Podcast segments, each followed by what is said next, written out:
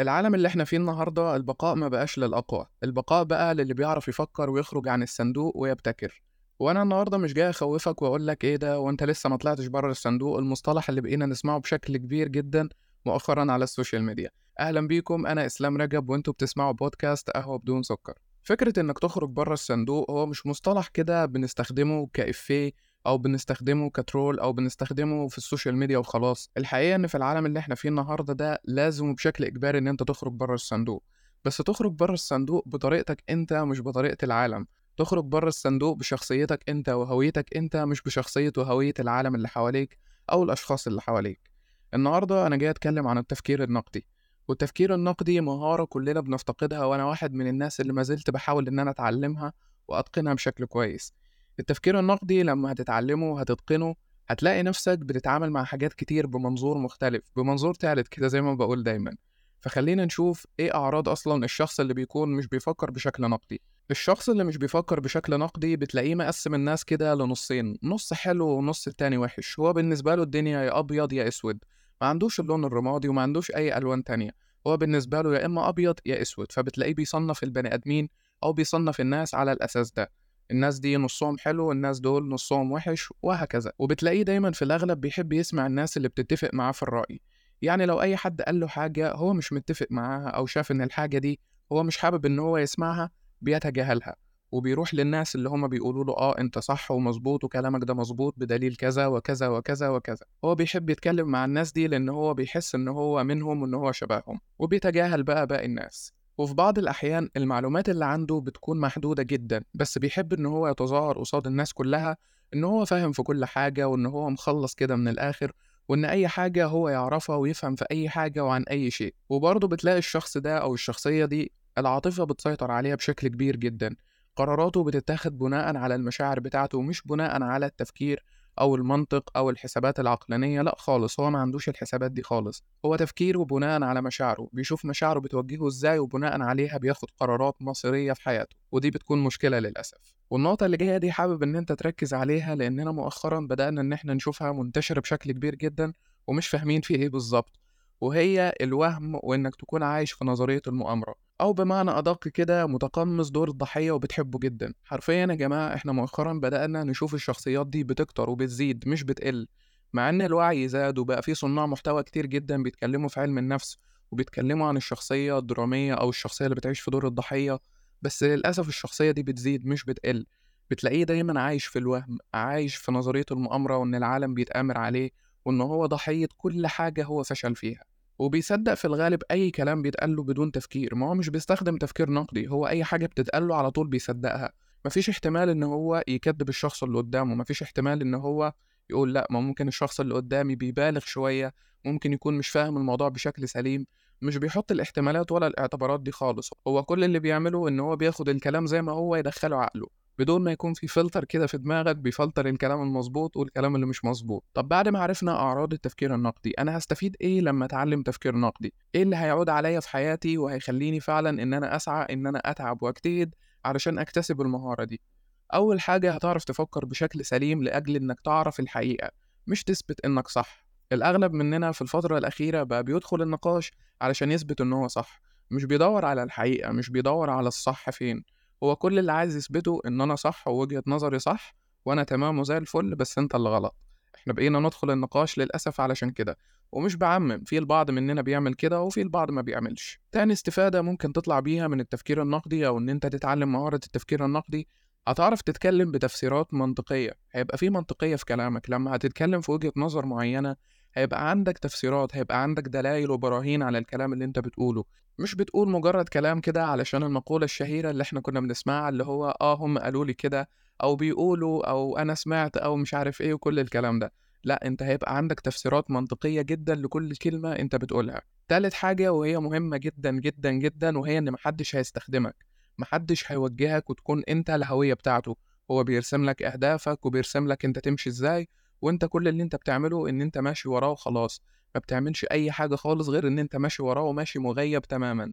والاستفادة بتكون أكبر وأكتر من كده بكتير وكل واحد على حسب شخصيته والمهارات اللي موجودة فيه في الوقت الحالي وهو بيسعى لإيه وحابب يطور من إيه. فالاستفادة من التفكير النقدي مش مقتصرة على الكلام اللي أنا قلته دلوقتي وبس لأ في فوائد كتير جدا ممكن تعود عليك من خلال التفكير النقدي. بس على حسب أنت بتتعلم تفكير نقدي ليه وحابب توصل لإيه في الآخر أصلا. التفكير النقدي عبارة عن مجموعة مهارات وهنتكلم عنها في البودكاست ده. بس قبل برضو ما ندخل في موضوع المهارات خلينا نشوف هو إيه برضو التفكير النقدي. إحنا عرفنا الاستفادة وعرفنا إن إحنا مش بنفكر دلوقتي بشكل نقدي. فإيه برضو التفكير النقدي ده؟ التفكير النقدي إن أنا أكون بحلل وأقيم أي حاجة بتدخل على عقلي مش بدخلها كده وخلاص. بعرف أكشف التناقضات يعني لو في حد متناقض قصادي أو في معلومة متناقضة بعرف إن أنا أكشفها من خلال التفكير النقدي. بعرف أسيرش عن معلومات وأعرف أقيم المعلومات دي مش أي حاجة تتقال لي أروح مصدقها على طول كده عمياني وخلاص. بعرف إن أنا أسمع وجهات النظر التانية بغض النظر أنا مختلف أو متفق معاها بس أنا بعرف أسمعها بشكل سليم. بعرف أتناقش مع اللي قدامي بشكل حضاري بدون ما يكون في خناق أو زعيق أو إن أنا عايز أثبت إن أنا الصح أو هو يثبت إن هو الصح والكلام اللي بنشوفه مؤخرا ده. بعرف أفرق ما بين الحقيقة ووجهة النظر والفرضية وكل الكلام ده هنكتسبه هنقدر إن إحنا نطبقه على حياتنا لما نتعلم المهارات الخاصة بالتفكير النقدي. بس برضه قبل ما ننخرط في موضوع المهارات بتاعة التفكير النقدي إحنا ليه مش بنفكر أصلا بشكل نقدي؟ يعني إحنا ليه مثلا ما اتولدناش بتفكير نقدي؟ أقول لك من حسن الحظ إن دي حاجة مش بنتولد بيها لأن إحنا لو بنتولد بيها هتلاقيها عند بعض الناس والبعض الآخر لأ. فمن حسن الحظ إن إحنا مش بنتولد بمهارة التفكير النقدي. دي مهارة مكتسبة المفروض البيئة اللي إحنا نشأنا فيها كانت تعودنا وتمرنا عليها من إحنا صغيرين بس للأسف البيئة اللي إحنا بننشأ فيها مش بتساعدنا إن إحنا نفكر بشكل نقدي بل بالعكس هي بتساعدنا إن إحنا ما نفكرش خالص بشكل نقدي. من أول المدرسة اللي إحنا بنروحها والمفروض إن إحنا نسمع الكلام بدون ما نسأل أصلا إحنا بنسمع الكلام ليه. بدون ما نسأل أو ننتقد حاجة معينة. أنت مش مطلوب منك تسأل ولا مطلوب منك تنتقد ولا مطلوب منك أصلا تفهم حاجة معينة. كل المطلوب منك إنك تمشي زي ما هم عايزين بالظبط. فده بيقتل جوانا فكرة إن إحنا نفكر بشكل ناقد.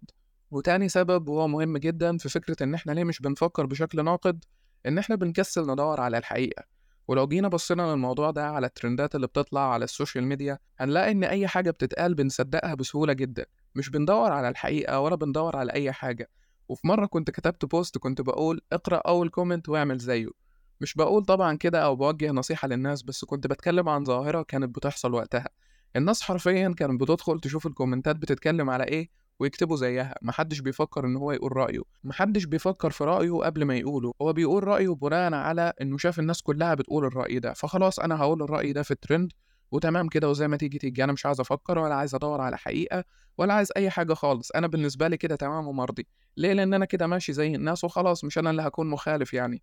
ده الكلام اللي بنقوله لنفسنا لما بنعمل حاجة زي كده. وللأسف دي مشكلة كبيرة جدا. تالت سبب وهو إن إحنا بنتأثر بالعاطفة. وده سبب قوي بيخلي البراندات وبيخلي الترندات تتشهر أكتر وأكتر. يعني البراندات بتشتغل في حتة التسويق على العاطفة.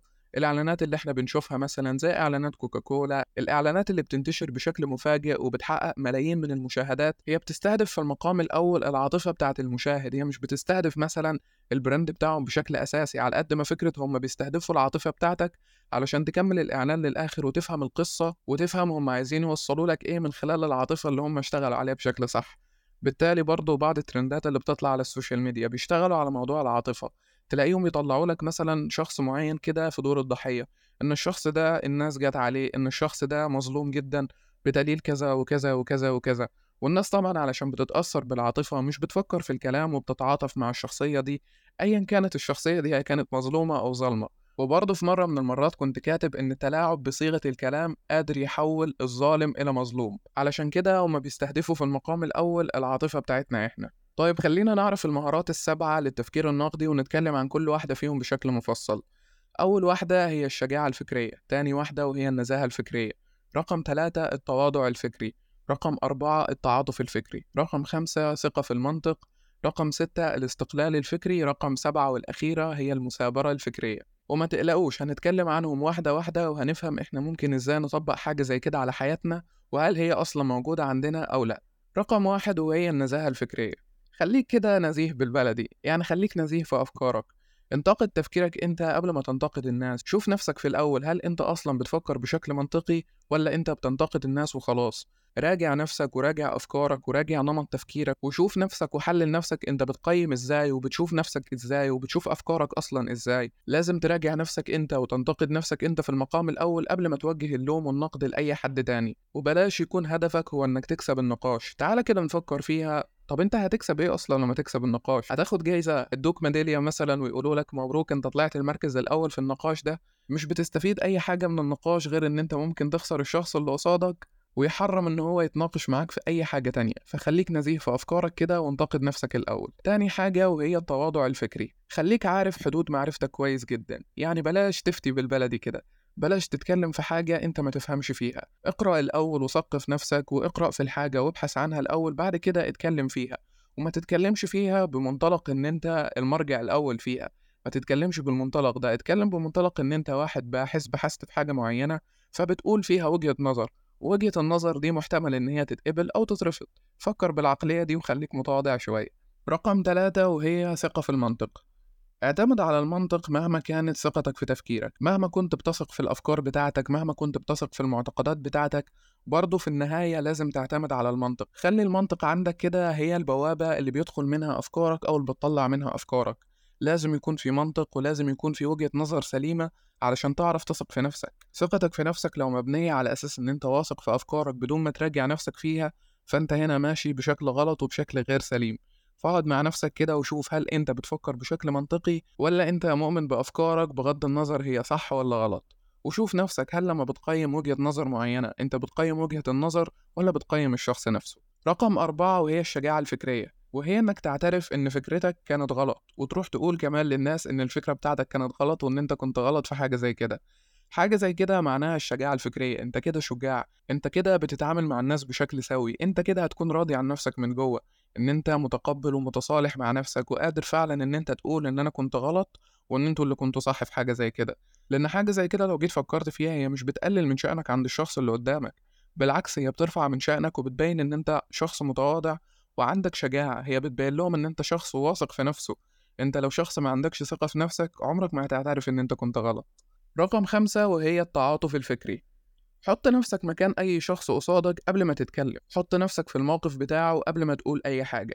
البس النضارة بتاعته شوية كده وشوف هو شايف إيه. شوف وجهة نظره من خلال النضارة بتاعته علشان تعرف تقيم. مش بقول كده إن أنت تتبنى وجهة النظر بتاعته بدون ما تشوف أي حاجة لأ خالص. مش ده اللي أقصده. بس حاول إن أنت لما تشوف وجهة نظرك برضه تشوف وجهة نظر الناس بالنضارة بتاعتهم هم مش بنضارتك أنت. والكلام ده ممكن ينطبق شوية على بعض المديرين في بعض الشركات اللي هو بيكون شايف نفسه صح دايما ومش بيحب إن هو ياخد رأي بعض الموظفين اللي عنده. هو شايف إن هو أكبر منهم وفي مكانه أكبر منهم وإن هم مش من حقهم إن هم يقولوا رأيهم في حاجة معينة مع إنه لو جه في مرة كده وقرر إن هو يراجع نفسه ويشوف وجهة النظر دي بالنضارة بتاعتهم هم هيلاقي إن أمور كتير جدا كانت ممكن تتغير بسبب الكبرياء بتاعه ان هو شايف نفسه هو الصح دايما. فخلي عندك تعاطف فكري كده والبس نضارة الناس شوية وشوف منها وجهات نظرهم. رقم ستة وهي الاستقلالية الفكرية. شوف الحقيقة بنفسك وما تخليش حد يفكر لك أو هو اللي يقول لك الحقيقة. استخدم خبراتك الشخصية في إنك تاخد قرار في حياتك أو موقف صعب أنت بتمر بيه. مش بقولك طبعا ما تاخدش رأي حد لا خد رأي حد بس شوف الحقيقة بنفسك أنت وأنت اللي قرر في الآخر. فما تخليش حد يفكر لك ما تخليش حد يقرر لك. القرار الأول والأخير يكون لك أنت. من حق الناس إن هي تعرض وجهة نظرها وتعرض لك رأيها في الموضوع. ومن حقك أنت تفكر فيه وتدور على الحقيقة فين أو تدور على الصح بتاعك فين بعد كده تقرر وتقول آه يا لأ. رقم سبعة والأخيرة وهي المثابرة الفكرية. أنت بعد ما تكتسب كل المهارات اللي إحنا اتكلمنا عنها دي أنت كده بتطلع بره الصندوق. واللي بيطلع بره الصندوق للأسف الناس مش بترحمه. هتلاقي نقد بشكل كبير جدا وتريقة بشكل كبير جدا على كلام ومعتقدات أنت مؤمن بيها. وده الطبيعي وده العادي جدا لأن أنت بتخرج بره الصندوق أنت بتتعامل بأفكار ومعتقدات جديدة أنت بتتعلم تفكير نقدي أنت بتتعلم مهارة هي مش موجودة عند أغلب الناس فبالتالي لازم هتلاقي تريقة لازم هتلاقي نقد بشكل متكرر. بس لو أنت أتقنت المهارات اللي إحنا اتكلمنا عليها كلها هتتعامل مع النقد بشكل صحي وهتتعامل مع التريقة برضه بشكل صحي. وكل الكلام ده مش هيأثر عليك. ممكن يأثر في بعض الأحيان على مشاعرك بس هتعرف تهندل مشاعرك كويس جدا وهتعرف تاخد قرار سليم وهتعرف تكون شخص مثابر بيكمل في أي حاجة لحد النهاية لأنه مقتنع بيها مليون في المية. بس المرة دي هو مش مقتنع بيها علشان المجتمع هو المقتنع هو المرة دي مقتنع بيها بناء على أدلة وبراهين وتفسيرات كتير جدا وحقائق كتير جدا أنت اللي بحثت عنها بنفسك. فالمرة دي أنت شخص مختلف أنت شخص جديد أنت شخص بتفكر من منظور تالت. أشوفكم على خير دايما في حلقة جديدة وبودكاست قهوة بدون سكر.